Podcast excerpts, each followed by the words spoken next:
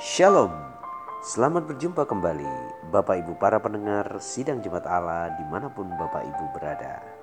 Saya percaya Bapak Ibu saudara sekalian dalam kondisi yang sehat, dipelihara oleh Allah dalam segala kebaikan dan kemurahannya. Kita akan segera mendengarkan renungan firman Tuhan dengan judul Menantikan Kedatangan Tuhan. Bapak Ibu yang dikasih oleh Tuhan, teks kita terambil dalam 2 Timotius pasal 4 ayat 5 ayat 7 dan ayat yang ke-8. Di situ dikatakan, "Tetapi kuasailah dirimu dalam segala hal, sabarlah menderita, lakukanlah pekerjaan pemberitaan Injil dan tunaikanlah tugas pelayananmu." Aku telah mengakhiri pertandingan yang baik, aku telah mencapai garis akhir, dan aku telah memelihara iman. Sekarang telah tersedia bagiku mahkota kebenaran yang akan dikaruniakan kepadaku oleh Tuhan, Hakim yang adil pada harinya. Tetapi bukan hanya kepadaku, melainkan juga kepada semua orang yang merindukan kedatangannya. Bapak, ibu, saudara, para pendengar sekalian, salah satu janji dari Tuhan Yesus adalah Dia akan datang kembali. Pada waktu Tuhan Yesus terangkat ke sorga di suatu tempat di daerah Bukit Saitun, malaikat berkata kepada para muridnya bahwa Dia yang terangkat naik ke sorga akan datang kembali dengan cara yang sama. Nah, Bapak Ibu para pendengar yang dikasih Tuhan, Paulus menulis kepada Timotius tentang bagaimana kita menantikan Tuhan. Apakah duduk, diam, berdoa saja, ataukah melakukan aktivitas yang lain? Karena ada beberapa orang mungkin berpendapat bahwa menantikan Tuhan adalah berhenti dari pekerjaan, hidup mengasingkan diri dalam sebuah perkumpulan pertapaan dan menunggu kedatangan Tuhan di sana. Ada juga orang berpikir bahwa menantikan Tuhan kita harus berhenti dari segala sesuatu yang duniawi dan mulai hidup di dalam penyucian diri. Nah, Bapak Ibu Saudara yang dikasih Tuhan, sangat berbeda dengan apa yang dikatakan oleh Rasul Paulus kepada Timotius. Dia sebentar lagi akan mengakhiri garis akhir dari pelayanannya. Di situ dikatakan bahwa orang yang menantikan Tuhan akan mendapatkan mahkota kebenaran. Jadi, mahkota kebenaran adalah dikhususkan kepada mereka yang merindukan kedatangan Tuhan. Nah, tetapi pertanyaannya sekarang, bagaimana sih cara menantikan Tuhan yang tepat? Paulus ternyata juga menuliskannya di dalam ayat yang kelima tadi.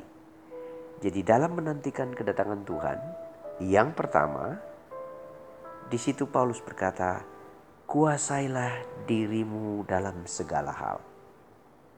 Nah ternyata Menjelang hari-hari belakangan ini, salah satu tanda daripada kedatangan Tuhan Yesus adalah adanya wabah penyakit yang menyebar, peperangan, bencana, dan berbagai macam uh, pertikaian terjadi. Tetapi Tuhan memberikan penerangan kepada Paulus dengan menuliskan surat ini kepada Timotius dan berkata, kuasailah dirimu.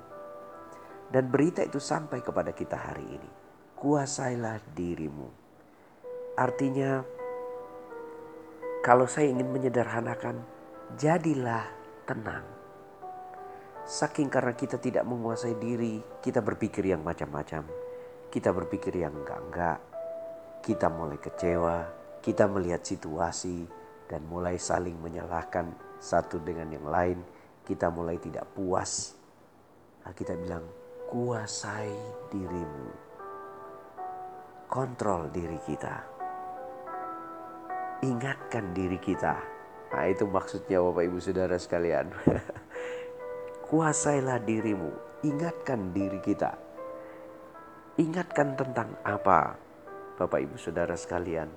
Bahwa tentang kebaikan dan kemurahan Tuhan. Ketika seorang melihat kebutuhan, dia cenderung tidak tenang. Ketika seorang melihat keinginan, dia cenderung liar. Tapi ketika seorang mengingatkan dirinya tentang kemurahan Tuhan, ia mengucap syukur dan berterima kasih. Ia akan berkata, "Tuhan, Engkau sungguh baik. Kami bisa ada hari ini bukan karena kekuatan kami, tapi karena Engkau yang mengaruniakannya." Nah, itu yang pertama dalam menantikan kedatangan Tuhan dan siapa yang menantikan dan merindukannya saja akan diberi mahkota kebenaran, maka langkah yang pertama adalah kuasailah diri kita. Yang kedua, di situ dituliskan, sabarlah menderita.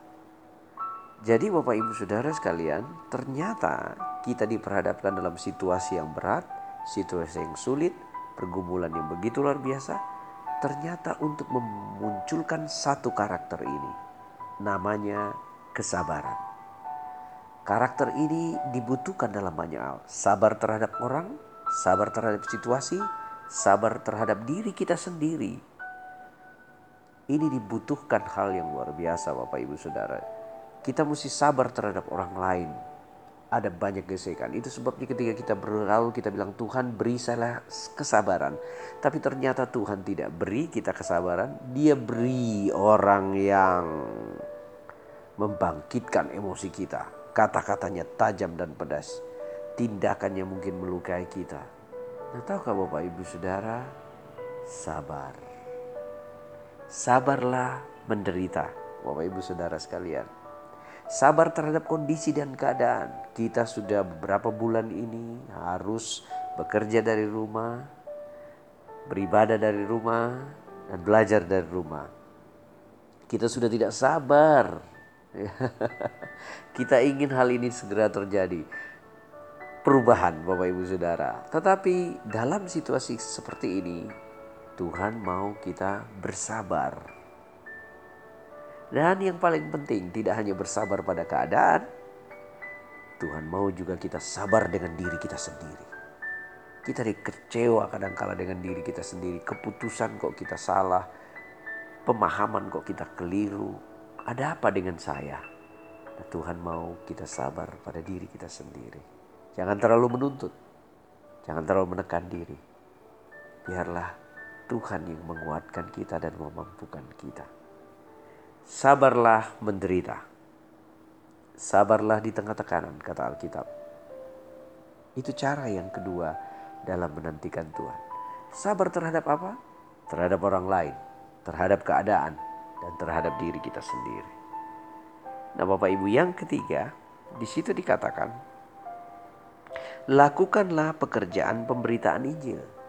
Nah, Bapak Ibu Saudara sekalian, selain kita menantikan Tuhan dengan menguasai diri kita, jadi tenang, sabar di dalam segala kesesakan kita. Itu yang kedua. Yang ketiga, lakukanlah pemberitaan Injil. Apakah maksudnya? Injil adalah kabar baik, Bapak Ibu Saudara. Jadi mulailah untuk menyebarkan kabar baik, memberitakan kabar baik bahwa di dalam Tuhan ada jawaban, di dalam Yesus ada kekuatan, di dalam uh, uh, firmannya ada jalan keluar. Kita kadang kalah lupa sampai dalam menantikan Tuhan pun sudah bukan kabar baik lagi yang kita beritakan. kabar hoax, gosip dan berbagai macam hal menjadi santapan kita. Ampun Tuhan. Wes salah. Sekarang wes fokus kabar baik ya. Dari firman Tuhan yang akan menguatkan kita, meneguhkan kita Bapak Ibu Saudara sekalian. Tapi Pak saya perlu kabar ini. Kabar apa? Tentang menjelekkan orang? Menghancurkan kehidupan orang? Atau mungkin kepo, pengen tahu sesuatu tentang orang. Stop Bapak Ibu. Sudah saatnya kita menantikan Tuhan dengan hanya memberitakan kabar baik. Katakan kepada suami kita yang mungkin sedang stres akibat pekerjaan, "Pak, Tuhan sanggup. Masih ada Tuhan yang buka jalan." Itu akan membangkitkan semangat suami kita. Ma, Tuhan menolongmu dalam merawat dan mendidik anak-anak. Katakan kepada anak-anak kita, Allah yang akan memberkati kehidupanmu masa kini dan masa yang akan datang. Nah Bapak Ibu, lakukanlah tugas pemberitaan Injil. Itu yang ketiga dalam menantikan Tuhan.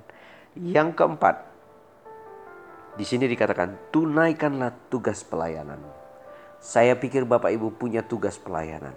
Pekerjaan kita adalah pelayanan kita. E, tanggung jawab kita adalah pelayanan kita. Ada tanggung jawab di keluarga, ada tanggung jawab di masyarakat. Lakukan semua pelayanan itu. Itulah cara dalam menantikan Tuhan. Nah, jika Bapak Ibu merindukan Tuhan, berhenti dari pekerjaan dan mengasingkan diri dan hidup sebagai seorang pertapa bukanlah cara menantikan Tuhan yang baik. Berkumpul dalam sebuah komunitas yang tertutup, lalu akhirnya berdoa menyembah menantikan Tuhan bukanlah cara yang Tuhan inginkan. Alkitab berkata, kalau kita ingin benar-benar merindukan kedatangan Tuhan, di situ dikatakan, kuasailah dirimu. Yang pertama, jadilah tenang. Yang kedua, sabarlah menderita. Sabarlah terhadap diri sendiri, terhadap situasi, dan terhadap sesama. Yang ketiga, lakukanlah pemberitaan Injil. Beritakanlah kabar baik bahwa dalam Yesus ada jawaban ada keselamatan. Dan yang terakhir, tunaikan tugas pelayanan kita di rumah tangga, di pekerjaan, di mana pun kita dapat menjadi berkat bagi banyak orang. Tuhan Yesus memberkati kita Bapak Ibu Saudara sekalian. Terimalah berkat sehat, kuat, dan panjang umur. Dan turunlah berkat ini di mana pun kita berada. Dalam nama Yesus.